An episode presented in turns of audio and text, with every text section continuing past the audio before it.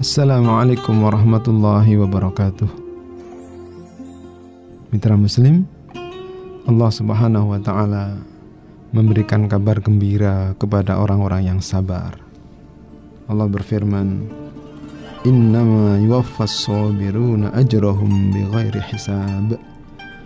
Sesungguhnya hanya orang-orang yang bersabarlah yang dicukupkan pahala mereka tanpa batas. Az-Zumar ayat 10. Kadang ada orang yang mengatakan sabar ada batasnya. Ketika dia mengalami cobaan, mengalami ujian, begitu berat dia rasakan. Sabar, sabar, sampai kapan sabar? Sabar kena ada batasnya. Mitra Muslim, sampai mana? Di mana batas kesabaran itu? Sedangkan Allah Subhanahu wa taala akan memberikan balasan yang tak terhingga, balasan yang tak ada batasnya kepada orang-orang yang sabar.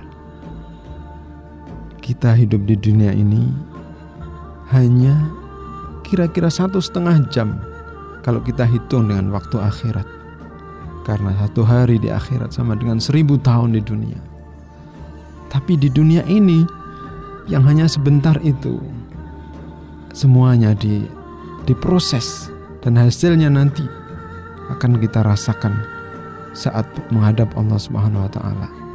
Dan sabar adalah salah satu kunci yang luar biasa besarnya untuk bisa melewati masa-masa sulit, masa-masa yang tidak kita kehendaki.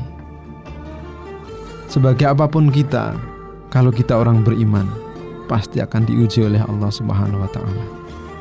Semakin kuat iman kita, semakin banyak ujian yang akan kita rasakan.